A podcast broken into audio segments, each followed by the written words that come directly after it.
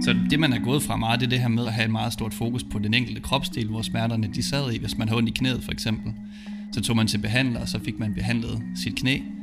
Hvorimod nu så ser vi mere, at længerevarende smerter, der anerkender vi, at det her knæ, det sidder på en person, og den her person har et nervesystem, som kan påvirkes af mange forskellige ting. Og personen har udover det også nogle, nogle håb, og nogle drømme, og nogle frustrationer, og nogle bekymringer, relationer, følelser, overbevisninger, alle mulige ting, der er koblet op på det her knæ. Og det kan vi jo bare se, det har en kæmpe indflydelse for, hvordan smerterne håndteres, og hvordan de ligesom også behandles i dag. Og det er jo sindssygt vigtigt, at man ved det som smerteramt. Nå, jeg har sat den til at optage, så lad os bare komme i gang.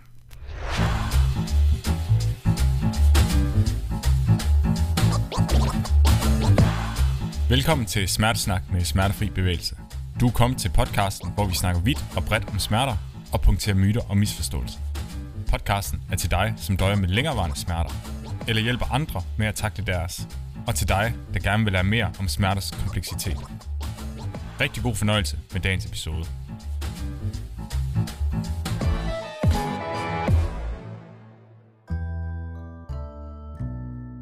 Smerter kan være sindssygt skræmmende, specielt når de ikke virker til at give mening, og når de fortsætter i mange måneder og år, og når forskellige behandlere kommer med forskellige bud på, hvad der må er galt.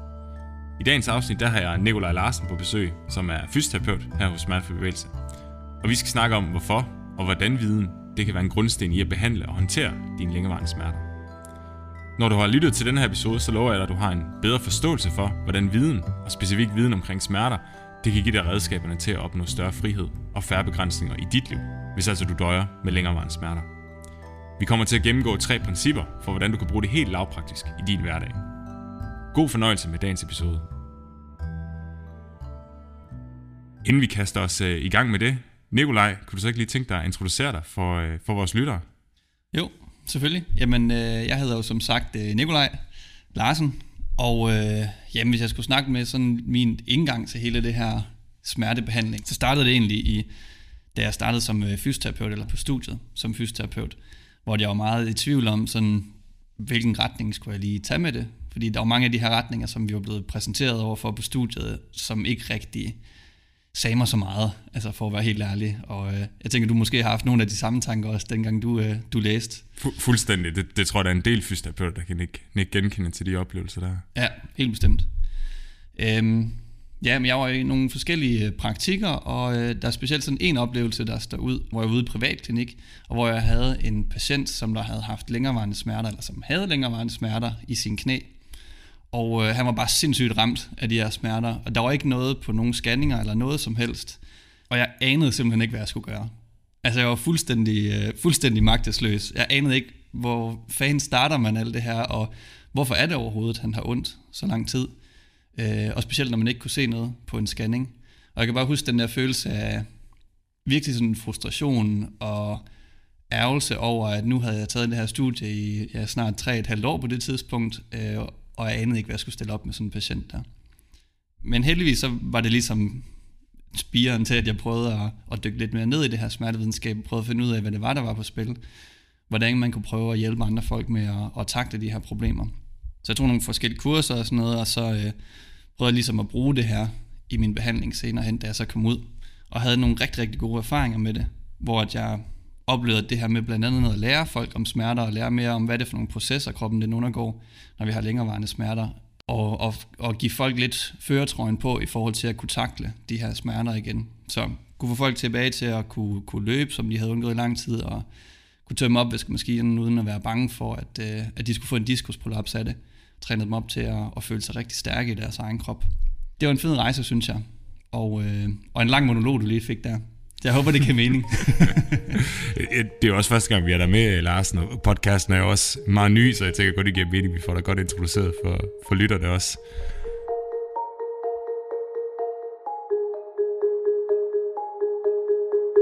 Vi skal snakke om i dag, hvordan at øh, viden det kan være med til at gøre dig smertefri.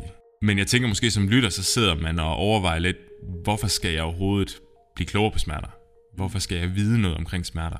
Jeg har ondt, jeg vil bare gerne af med dem. Så lad os lige starte der med egentlig at, at bare lige tale om, hvordan egentlig vi kom dertil, at det måske faktisk kunne være vigtigt at man ved lidt mere om sine smerter, når man har ondt, for den vej igennem kunne få færre smerter? Øh, det giver jo super god mening. Altså, hvorfor skal vi overhovedet bruge tid på at, at lære omkring smerter? Øh, og der er sikkert også mange, som der sidder derude, der har været i nogle af de her smerteskoler, hvor man har haft et rigtig stort fokus på anatomien eller kroppens måde at bevæge sig på, og prøve at finde fejl den vej igennem, og, og forklare smerter sådan rigtig, rigtig strukturelt. Øhm, I dag så, øh, så står vi et sted, sådan rent forskningsmæssigt og vidensmæssigt, hvor vi har rykket os sindssygt meget i løbet af de sidste 15-25 års tid, hvor vi er gået fra en forståelse af, at smerter de opstår på baggrund af øh, kroppens struktur, der har det skidt, til meget bredere at acceptere, at smerternes årsag ligesom skal findes i noget andet. Og øh, det andet, det skal vi nok komme til her senere. Så historisk set, så har man let meget efter øh, smertens årsag i kroppens anatomi og i kroppens biomekanik, altså hvordan man har bevæget kroppen, om man har bevæget sig forkert eller bevæget sig skævt. Og i dag så kan vi se, at vi kan have de her øh, rynker på indersiden af kroppen, kan man sige sådan lidt populært sagt, med at vi kan have det, der hedder diskusdegeneration, vi kan have diskusprolapser, vi kan have slidgigt i kroppen, uden at have nogen som helst former for smerter. Så strukturen i kroppen, den er ikke altafgørende for, om vi oplever smerter.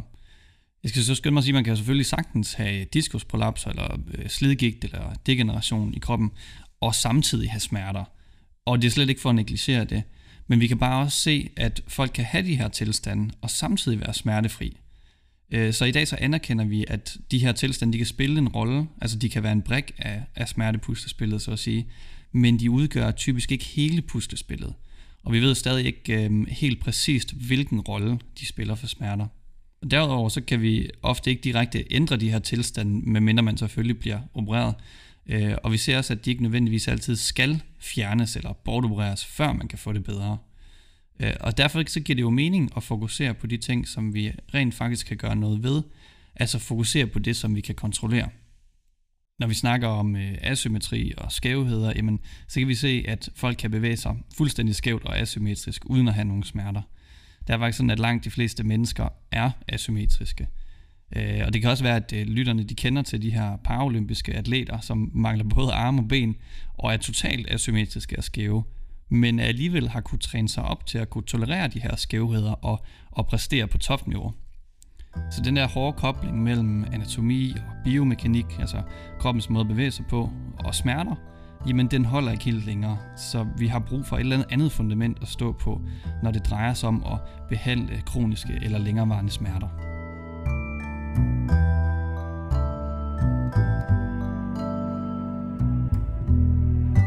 Det er jo selvfølgelig et problem, hvis vi prøver at tilgå den her smertebehandling på et forældet grundlag. Så derfor så kan vi se, at der er store fordele, også når vi kigger i forskningen, altså på, hvis du som øh, person sidder derude og har smerter, men har en bedre forståelse for, hvad er smerter egentlig, og specielt hvis du har haft den over længere tid, fordi det giver dig nogle flere handlemuligheder til at træffe nogle fornuftige valg i dagligdagen. Ja, så det jeg hørte dig sige lidt, Nikolaj, det er, og hvis man skal drage nogle paralleller til nogle mere hverdagsagtige ting, så som mange måske vil se øh, kroppen lidt som, en, eller i hvert fald historisk set har vi set kroppen lidt som, som den her bil, der skal repareres og, og fixes, ligesom man tager sin bil med til mekanikeren, mm. øh, hvis altså man har ondt i, i kroppen. Men, men det er jo lidt den model, vi har bevæget os lidt mere væk fra, og zoome lidt mere ud, og så se, sådan lidt populært sagt, måske se lidt mere det hele menneske, mm. i stedet for os, som med bilen, hvor vi skal reparere og fixe de her fejl. Øhm, og, og det betyder jo også, at, at vi skal have vores, vores fokus et helt andet sted, i stedet for at, at når vi igen prøver at fikse det her fejl, jamen så tilgå lidt mere den enkelte person, det enkelte menneske, og have dem, dem lidt mere i centrum. Mm. Lige præcis. Og det er også det her med, at det jo, i sidste ende er det jo også øh, folks liv, altså det er der, der skal ske nogle ændringer. Og jo bedre klædt på man er til selv at foretage de ændringer og forstå baggrunden bag de ændringer, jamen jo bedre er du egentlig stillet. Også øh, i forhold til at have en, en langvarig effekt af den behandling, man så modtager. Så det, man er gået fra meget, det er det her med at også have et meget stort fokus på den enkelte kropsdel, hvor smerterne de sad i. Hvis man havde ondt i knæet for eksempel, så tog man til behandler, og så fik man behandlet sit knæ. Hvorimod nu så ser vi længere, mere, at længerevarende smerter, der anerkender vi, at det her knæ, det sidder på en person, og den her person har et nervesystem, som øh, kan påvirkes af mange forskellige ting. Og personen har udover det også nogle, nogle håb, og nogle drømme, og nogle frustrationer, og nogle bekymringer, relationer, øhm, følelser, overbevisninger, adfærd, alle mulige ting, der er koblet op på det her knæ, og der er koblet op på den her person. Og det kan vi jo bare se, det har en kæmpe indflydelse for, hvordan smerterne håndteres, og hvordan de ligesom også behandles i dag. Altså, vi kan ikke bare øh, behandle kropsdele længere, vi skal behandle det hele menneske, og, og når vi skal til det med ind, så bliver vi jo nødt til også, at som den person, der har smerter, jamen, så giver det jo god mening, så skal man prøve at forstå de her smerter bedre. Hvordan vil man kunne nå dertil, at man faktisk forstår sin smerter bedre? Hvordan er det, vi gør det? Ja, det er et godt spørgsmål, og det øh, findes der ikke som sådan altså en, en, øh, en facit på. Men sådan basalt set, altså så er det ikke længere det her spørgsmål om smerter, de kan påvirkes af overbevisning, eller frygt, eller erfaringer, eller forventninger, følelser, eller relationer, eller stress og søvn for eksempel. Men det er egentlig et ret veletableret videnskabeligt faktum, at det er sådan, det er. Og øh, typisk jo længere tid smerter de står på, jo større indflydelse har de her faktorer. Og det er jo sindssygt vigtigt, at man ved det som smerteramt. En af de sådan, strategier, som man har brugt til at prøve at, at undervise i det her, som også er noget, som vi bruger her på, øh, på klinikken, det er den smerteundervisningsform, som der hedder Pain Neuroscience Education. Og den forkorter man også PNE. Essensen i PNE, det er det her med at prøve at forklare de biologiske principper bag, hvorfor smerter de vedbliver over længere tid, men pakke dem ind i nogle metaforer, eller nogle analogier, eller historier, som der gør, at de er nemmere at genkende, lettere at bruge i hverdagen, og mere relaterbare og sådan anvendelige i forhold til, når du skal ud og ændre din adfærd. Så det de her metaforer eller analogier eller modeller, de har til mening eller har til formål, det er det her med at prøve at afmystificere smerter og lidt give mening til den her oplevelse, som godt kan være mega skræmmende og være mega frustrerende. Og så samtidig åbne dørene for, hvad for nogle redskaber man så kan bruge. Nu nævner du det her, øh, det her PNE, og det lyder altså fedt, men, men også lidt, lidt fancy og lidt kompliceret måske. Mm. Men har man egentlig prøvet at undersøge, virker det faktisk så at gøre det her? Kan vi bakke det op? Ja, men der har man fundet igennem en lang række studier, at det har mulighed for at kunne nedsætte øh, smerter, og kunne reducere det, der hedder katastrofetanker, øh, altså de her tanker, som man tit har som smerteramt, øh, shit, bliver det nogensinde bedre det her, eller bliver det bare værre, eller kommer jeg til at kunne øh, varetage mit arbejde, eller kommer til at kunne, øh, kunne lege med mine børn, når jeg bliver måske 10 år ældre, eller måske bare næste år. Øhm, den slags tanker kan det være med til ligesom stille og, og reducere. Og så kan det også reducere den her bevægelsesrelaterede frygt, hvor man kan være nervøs for at bruge kroppen, og nervøs for at skulle bevæge sig, og nervøs for at, at udfordre kroppen. Og så kan det være med til at forbedre ens håndteringsstrategi, altså hvad gør du så, når du har ondt? Øhm, og så sådan helt generelt har man også set det her med, at det kan også øge dit funktionsniveau, så du kan flere ting i, øh, i hverdagen, uden at være begrænset af smerterne. Så ja, der er øh, videnskabelig opbakning til, at det faktisk er en form for behandling, der virker. Titlen på den her podcast, det er jo, hvordan viden det kan gøre dig, gøre dig smertefri. Men det jeg måske så tænker lidt, det er, lover vi egentlig for meget ved det? Vi skal mm. måske lige sætte nogle nuancer på, hvad, hvad, i hvert fald hvad er vores overvejelser, når vi tænker, hvad, hvad betyder smertefrihed egentlig? Det kan betyde meget forskelligt for alle, hvilken person det er. Men, men hvad er sådan egentlig lidt vores, øh, hvis vi skulle prøve sådan lige at definere, hvad, hvad, hvad kunne nogle overvejelser være, når man tænker, hvad smertefrihed det kunne betyde? Mm. Ja, groft sagt kan man sige, øh, eller betragter vi det på den måde, at der kan være to former for smertefrihed. Og den første form for smertefrihed, det er den, som man måske normalt kender, det er det her med, at jamen, smerterne de forsvinder. Altså smertefrihed som i fraværet af smerte. Og den anden definition, eller den anden måde at se det på, det er, at man kan være smertefri på den måde, hvor du så kan øh, leve et liv, hvor smerterne det ikke længere er en begrænsning. Og i det tilfælde, så vil smerterne måske fortsat være der. De er der måske sjældnere, de er der måske med en lavere intensitet, eller også så udgør de samlet set bare en mindre begrænsning for dit liv, og de ting, som du gerne vil have som en del af dit liv. Øh, så jeg tænker, det er vigtigt at holde sig for øje det her. Det er ikke nødvendigvis alle, der opnår smertefrihed som den første del af definitionen, men vi kan stadig arbejde på at blive mindre begrænset af smerter, så vi kan forfølge en masse ting, som der er meningsfulde for vores liv. I starten der nævnte vi de her tre principper, som vi skal, vi skal igennem i, øh, i podcasten, i dagens afsnit. Øh, kunne du ikke lige tænke dig, at lige præsentere dem, inden vi går igennem hver de, øh, de tre principper, en efter en? Jo, selvfølgelig. Det første princip, som jeg havde tænkt, vi skulle øh, omkring i dag, det er, jo bedre du forstår et problem, jo bedre forudsætninger har du for at løse det. Det andet princip, det er, at øh, dine overbevisninger har en større magt over dig, end du måske tror. Og det tredje princip, det er, at du øh, kan opdage dine negative spiraler, så du kan bryde dem. Fedt. Så det skal vi tage og, og blive lidt klogere på. Hvad er de tre ting? Øh,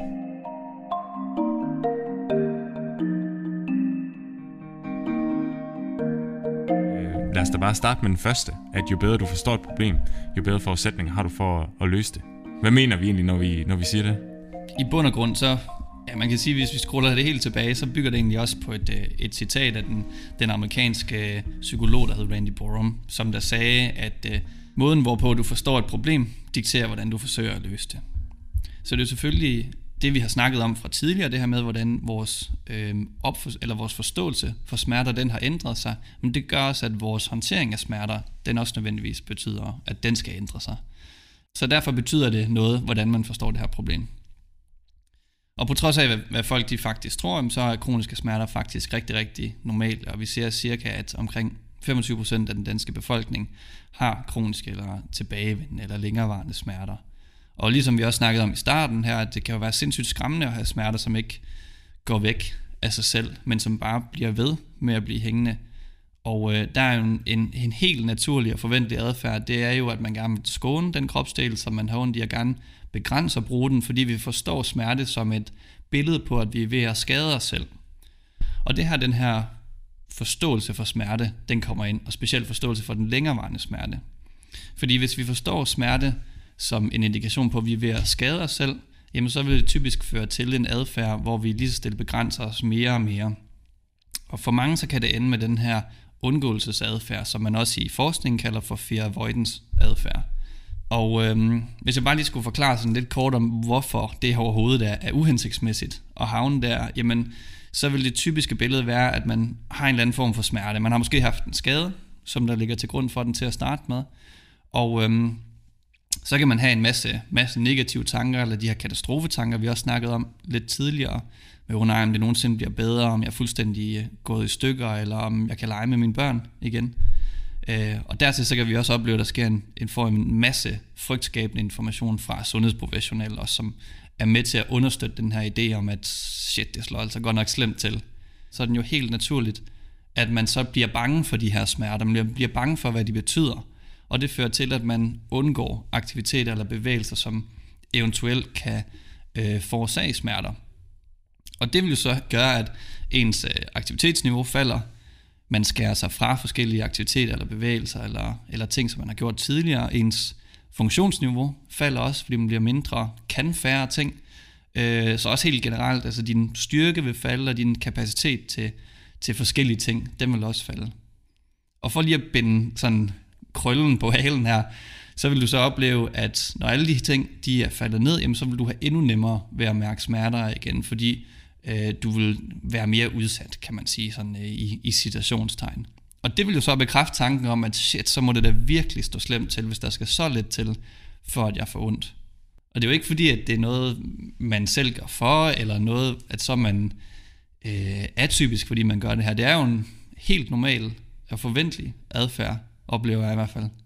Jo, det oplever, det oplever jeg da helt sikkert også med, med, med de klienter, jeg ser, og, og jeg tænker, at modsat det, så, så er der måske også nogle, vi oplever, som ryger lidt i den, i den anden grøft, hvor nu skal den her nu skal den her smerte, nu skal den godt nok ikke bestemme. Nej. øh, så, så, så kan man lidt ryge i en anden grøft, hvor øh, i stedet for det er måske noget med undgåelse, jamen så kører man egentlig bare, bare lidt mere på. Dem har du måske også nogle erfaringer med. Ja, lige præcis. Det hedder endurance coping. Altså at man bare presser igennem smerterne, ignorerer smerterne. Smerterne skal ikke bestemme over mig i hvert fald. Så ens aktivitetsniveau går fra at være sindssygt højt, fordi man vil alt, og smerterne skal bestemme over mig, og så bliver man savet fuldstændig over igen, så man bare ligger helt på langs. Og så kører man sådan i de der store bølger med masser af aktivitet og ingen aktivitet, masser af aktivitet og ingen aktivitet, og kommer ikke rigtig nogen vegne. Øh, men her er det jo ikke frygten, der driver det, det er mere den her frustration og måske også identitetsfølelse af, at smerterne skal sgu ikke bestemme over mig. Jeg vil øh, leve mit liv på trods af dem. Og det kan man jo ikke bebrejde nogen for, at Nej. faktisk gerne, gerne ville det. Mm-hmm. Øh, men man kan måske også godt se, at der er nogle ting i det, der bliver lidt uhensigtsmæssigt. Om det er så den ene eller den anden kategori, man, man, man ryger lidt i. Ja, lige præcis.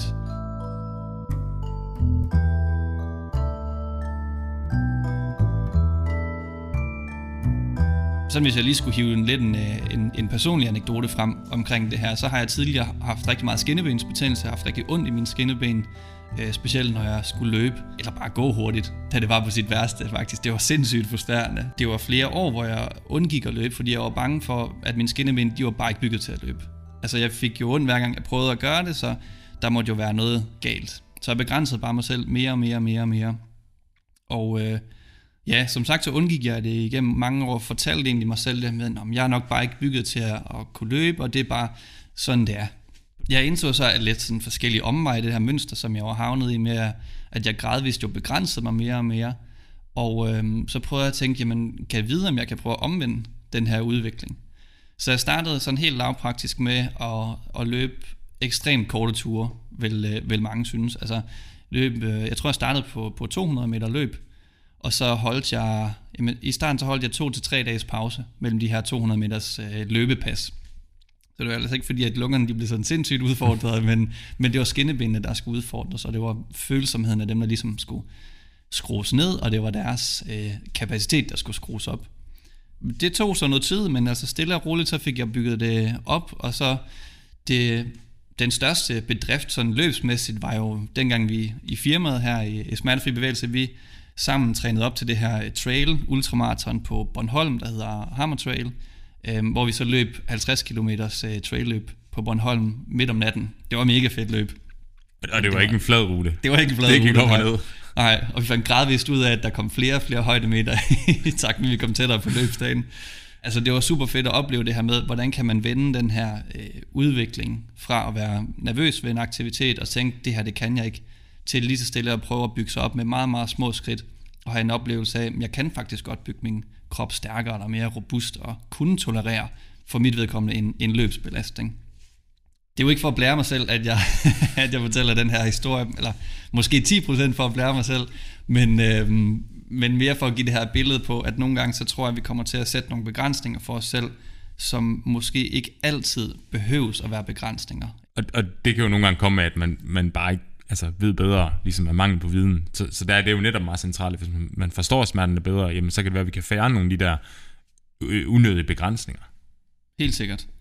Og øh, hvis vi bare lige skal blive sådan lidt i, i anekdoteland, øh, så for ikke så lang tid siden, der havde en klient, som der specielt kom ind og havde fået smerter i knæene, og øh, havde fået konstateret slidgigt. Jeg spurgte så ind til dem, hvad, hvad tænker du så, når du oplever de her smerter i knæene?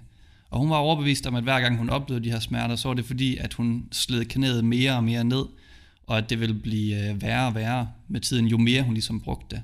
Så hun var jo sindssygt bekymret for at bruge det her knæ, og det står i stor kontrast til, hvad man faktisk ved i dag om slidgigt, hvor man kan se, at der er det værste, du kan gøre, det er at stoppe med at bruge knæet. Det er det aller, aller værste, man kan gøre ubetinget. Hvor det bedste, du kan gøre, det er gradvist at bygge det stærkere, og gradvist udsætte det for belastning, øhm, for på den måde at bygge dig stærkere, og bygge dig i stand til at kunne nogle flere ting. Og, ja, og slidgigt i det hele taget er jo nok også bare et dårligt navn for ja. den tilstand, ja, som, som vi jo nok i, fagligt, i, i, i hvert fald med fagligt sprog vil kalde artrose, mm. fordi det jo ikke nødvendigvis kommer af slid. Nej, lige præcis. En god pointe også, og vi ser jo også, at, at, at det øh, optræder hos folk, som der ingen smerter har overhovedet, at vi ser, at, at forekomsten af den, den stiger med alderen, men at forekomsten af den ikke nødvendigvis er forbundet med, at du så har smerter. Så bare lige for at forklare det sådan i normale termer, altså jo, du kan have fremskrevet en slidgigt på et scanningssvar og være fuldstændig smertefri. Men du kan også samtidig opleve, at du har meget lidt slidgigt på et scanningssvar og har mega mange smerter. Så der er ikke den der hårde kobling mellem, hvordan du ser ud anatomisk, og så de smerter, du har altid. Nej, den kobling, der nok mere eksisterer, det, det er en sammenhæng med alderen. Altså, ja. det er naturlige forandringer, som sker, som at kan man sige, den kamp, vi alle sammen taber, at vi bliver ældre dag for dag. Lige præcis. Øh, og sådan er det, kroppen den også, den også ændrer sig ja, indeni. det er sgu bare et præmis, desværre. Men så det, det vi gjorde, eller det jeg gjorde og, og arbejdede med hende her omkring, det var at forklare hende, at jamen, det bedste du kan gøre, det er at bevæge det lige så stille og roligt. Det kommer ikke til at ødelægge dit knæ, du kommer tværtimod til at bygge det stærkere, og de smerter, du oplever, det er ikke fordi, at dine knogler de skuer mod hinanden og lige så stille smuldrer, øh, som mange jo også har en rigtig, rigtig uheldig forståelse af. Og, og allerede næste gang, altså ikke fordi det skal være sådan en wonder-historie med, at så var hun kureret, men der havde hun allerede kunne sænke skuldrene og var sådan, åh, oh, Jeg går nok mere rolig ved de her smerter, jeg oplever nu, og mere tryg ved dem. Jeg kan faktisk godt udfordre mig selv, og har fået nogle flere muligheder for at gradvist opbygge sig selv. Så det er jo det her med, at jo bedre man kan forstå et problem, jo bedre er man rustet til at løse det. Øh, og hvis vi forstår det som om, vi går i stykker hver gang vi bevæger os, som vi er rigtig dårlige til at, at håndtere det, eller det bliver håndteret med undgåelse. Men hvis vi forstår, at vi gradvist kan opbygge det og bygge det stærkere, så vil vi have en anden adfærd, som der måske understøtter vores bedring i højere grad. Det tænker jeg, det er en rigtig god, øh, en god opsummering på, på vores første punkt her. Er der, er der mere til vores første punkt, eller skal vi gå videre til, til punkt nummer to? Jeg tror, den landede meget godt. Super.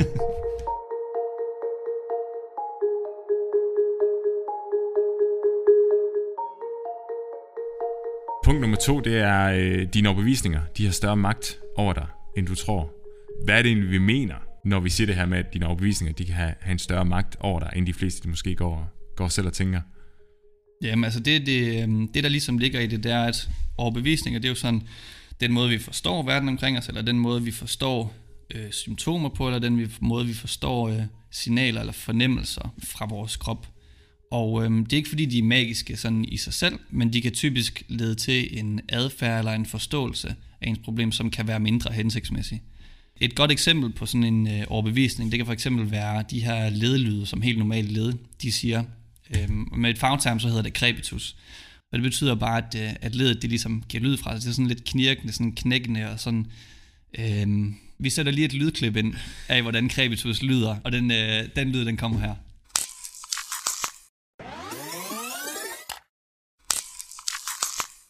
Så den lyd, den kan godt virke som om, at det er knæet, som der er ved at, for eksempel hvis det er knæet, altså knæet er ved at gå i stykker, eller min brusk den er blevet slidt ned, eller hvordan den nu er.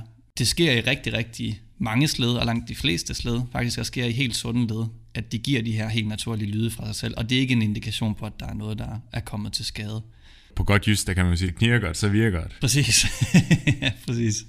Og det er også det, som vi kan se ved, øh, ved led. Men hvis vi har en overbevisning om, at den her ledlyd, den betyder, at din brusk for eksempel er ved at blive slidt ned, jamen så vil vi se den her lyd som en indikation på, at jeg skal i hvert fald ikke bevæge mig, fordi at så bliver min brusk værre og værre tilret.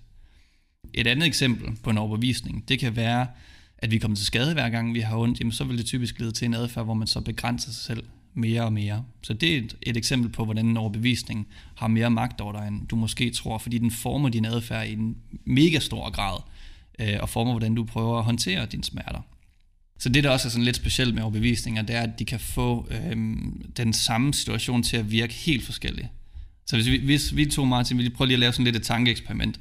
Vi siger, at øh, jeg har været nede og træne med en klient, øh, som er blevet mega øm efter den her træning. Vi har øh, to klienter, og de er fuldstændig identiske. Så den klient, du har, ser måske øh, den her muskelømhed som et symptom på, at jeg har været nede og gøre noget godt for mig selv. Jeg bliver stærkere, og det er mine muskler, der er blevet brugt, så de opbygger sig til at blive endnu stærkere til næste gang. Og øh, min klient tror, at den her muskelømhed, det er et symptom på cancer. Det er jo præcis den samme fornemmelse, altså sådan, øh, hvis vi skal kigge sådan fysiologisk, det er de samme processer, der sker. Men selve overbevisningen omkring, hvad den her situation betyder, vil jo være totalt forskellig fra din og min klient. Og øh, min klient, som der mener, at muskelømheden er et symptom på kræft, tænker jo, eller vil jo have en, øh, en langt mere voldsommere oplevelse af den her muskelømhed, vil være langt mere bange, vil have en anden adfærd, og vil være meget, meget mere bekymret for den her muskelømhed. Hvor, hvor din klient vil nok tænke, mega fedt, nu er jeg blevet øh, stærkere, og jeg skubber grænsen, og, og prøver at opbygge mig selv til at blive stærkere. Det er som regel noget, vi fejrer lidt, at vi faktisk er lidt med efter en træning. Ja, præcis. Der er nogen, der faktisk rigtig godt kan lide det. Præcis, der er nogen, der jagter det. Ja. Altså helt specifikt at være helt, øh, helt vildt ømme efter en træning. En anden måde, det kunne også være, jamen altså, hvis vi tror, at jeg bliver stærkere, og en anden klient tror, at jamen, jeg er ved at ødelægge kroppen, fordi at jeg føler mig så øm. Jeg føler ikke, at jeg rigtig kan komme op og stå, uden det gør rigtig, rigtig ondt. Det kan jo være meget ubehageligt. Det kan være mega ubehageligt. Ja, men igen, det ligger måske i forskellen i, hvordan vi øh, anskuer situationen, eller hvordan vi anskuer den her muskelømhed, og hvilken værdi vi tillægger den, gennem hvilke overbevisninger vi så har omkring den. Det er fordi, har man fået nogle, kan man sige, har man flere og flere erfaringer med, at man bliver øm efter en træning, men at man har, kan man sige, den erfaring af, at det forsvinder også igen. Jeg bliver også ok igen. Jeg kan se, at også gradvist bliver stærkere. Mm. Jamen, så, så, øh, så er det jo med til at kan man sige, påvirke ens adfærd på, på længere sigt. Ja. Øhm, så, så for nogen, det forstår man jo godt, hvis det er de første oplevelser, man har af det, øh, så skal man måske lige få nogle, nogle flere positive erfaringer med, at øh, jamen, det er egentlig en helt normal reaktion, og en del af faktisk, som du også til det at blive stærkere. Helt sikkert. Ja, helt sikkert. Så den der summen af jo flere oplevelser, man har også, øh, altså positive oplevelser med at bruge kroppen, det kan også have en positiv indflydelse på de overbevisninger, vi har omkring kroppen. Så overbevisninger, de har altså en kæmpe stor indflydelse på, hvordan du prøver at håndtere dine smerter, hvordan din, øh, din adfærd den ligesom bliver forandret, og øh, hvilken værdi du tillægger forskellige oplevelser, som du har med kroppen. Det tænker jeg, det var en god krølle på vores, øh, vores punkt nummer to. Vi hopper videre til, øh, til punkt nummer tre.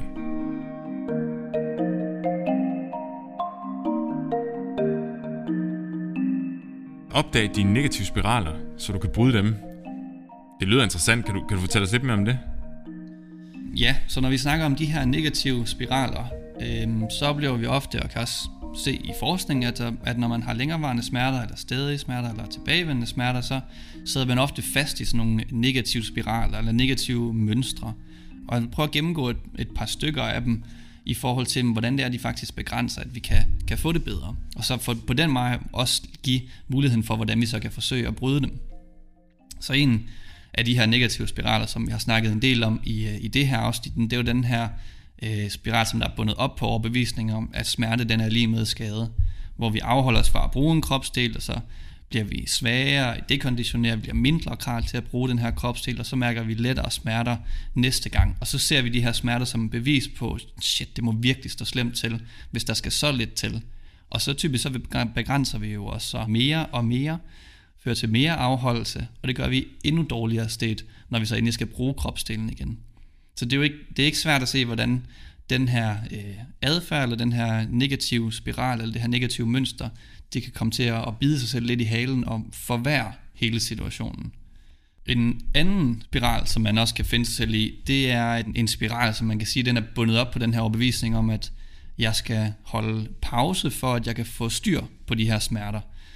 Og pause, det kan for eksempel være så, at man begynder at trække sig fra sine omgivelser, eller trække sig fra sociale fællesskaber. Det kan være, at du har været rigtig glad for at spille tennis, rigtig glad for at spille øh, fodbold, eller gå til gymnastik, eller været glad for at gå eller løbe, eller hvad pokker det nu kunne være.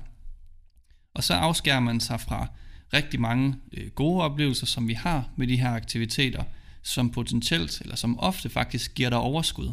Altså nogle af de her aktiviteter, der bidrager med nogle andre ting, som gør det fedt at være dig. Og øhm, for mange, jamen, så kan det føre til rigtig meget frustration. Det kan også for nogen føre til skam eller dårlig samvittighed over, hvorfor kan jeg ikke deltage på samme måde, som jeg har kunnet tidligere på grund af de her smerter. Og det gør vi så typisk, at vi trækker os endnu mere tilbage, som følge af den slags følelser. Så det er også en af de her eksempler på, at vi kan finde os selv i de her negative spiraler, som der lidt kører i ring og forværrer hele situationen. Det tænker jeg, det er jo, det er jo to meget relevante eksempler, som der måske er mange af vores lyttere, der, der kan se sig selv lidt i. Øh, men der er måske også nogen, der har nogle andre overbevisninger og andre negative spiraler, de, de er fanget i. Mm. Så, så kan vi hjælpe dem med at identificere dem lidt. Ja, helt sikkert. Og det, det er jo, ligesom du siger, det her er også bare et udklip på, at uh, det er to forskellige situationer. Nogle, som der tit går igen, men der kan være rigtig, rigtig mange forskellige varianter over det her, alt efter uh, hvad for liv man lever selvfølgelig. Men nogle af de sådan, uh, spørgsmål, som man kan prøve at stille sig selv, eller som man kan prøve at overveje, det er sådan noget som, at øh, hvilke overbevisninger har jeg egentlig omkring mine smerter? Hvad tænker jeg, de her smerter de betyder? Det kan også være, at man overvejer, hvilke overbevisninger er det, der påvirker mine smerter. Så hvordan mine overbevisninger måske kan være med til at forværre smerterne. Det kan også være, at du overvejer, hvad har andre sagt til mig om min krop, altså hvis man har været i behandling forskellige steder, hvad mange jo typisk har, jamen hvad for nogle ting har man egentlig fået at vide? Har man fået at vide, at du skal passe på med at belaste ryggen, fordi din ryg den er rigtig svag, eller den er skrøbelig, eller du har måske en skoliose, altså en, øh, en, en S-formet ryg, øh, som gør, at den vil være lettere tilbøjelig til at gå i stykker, eller blive skadet, eller hvad pokker det kunne være. Eller at du får at vide, at du har øh, platfod for eksempel, så du kan aldrig komme til at, at løbe, uden at du løber med helt specielle sko. Så lidt overvej, hvad er det for nogle informationer, du har fået omkring din krop, og hvordan kan det være, at måske de påvirker din adfærd og påvirker dine smerter. Og så meget i tråd med det, jamen så kan man jo også overveje, hvad er det egentlig, jeg siger til mig selv? Ligesom min anekdote der fra tidligere, hvor jeg havde lidt et narrativ om, at jamen, jeg er nok bare ikke en løber, jeg er nok bare ikke bygget til at løbe. at der var jo det en, en fortælling, jeg havde. Det var i hvert fald noget, der holdt mig tilbage fra at kunne konfrontere det her problem og prøve at, at komme det til livs. Så øh, jeg tror, der er rigtig, rigtig meget hente i den her med, hvad er det for nogle historier, vi fortæller os selv. Og tit og ofte er de jo meget ubevidste, så de kan godt være mega svære at finde frem. Øh, og det, i de tilfælde, så kan det også være en, en kæmpe stor hjælp at have en behandler, som der kan være med til at, ligesom at guide den her proces lidt, øh, lidt hen ad vejen. Det sidste og store spørgsmål, øh, som egentlig spreder sig ud over alle de her andre spørgsmål, som sådan en, en, en kæmpe paraply, kan man sige, men det er, er mine overbevisninger hensigtsmæssige og konstruktive, for at jeg kan få det bedre? Og det er jo et kæmpe stort spørgsmål, men det er jo så vigtigt, altså i forhold til, hvor vi gerne vil hen, og hvad vi gerne vil bruge vores krop til. Er de ting, vi tror om os selv, eller forstår om os selv, eller forstår om vores smerter, hjælper de os på vej hen imod det, eller hjælper de os længere væk fra det?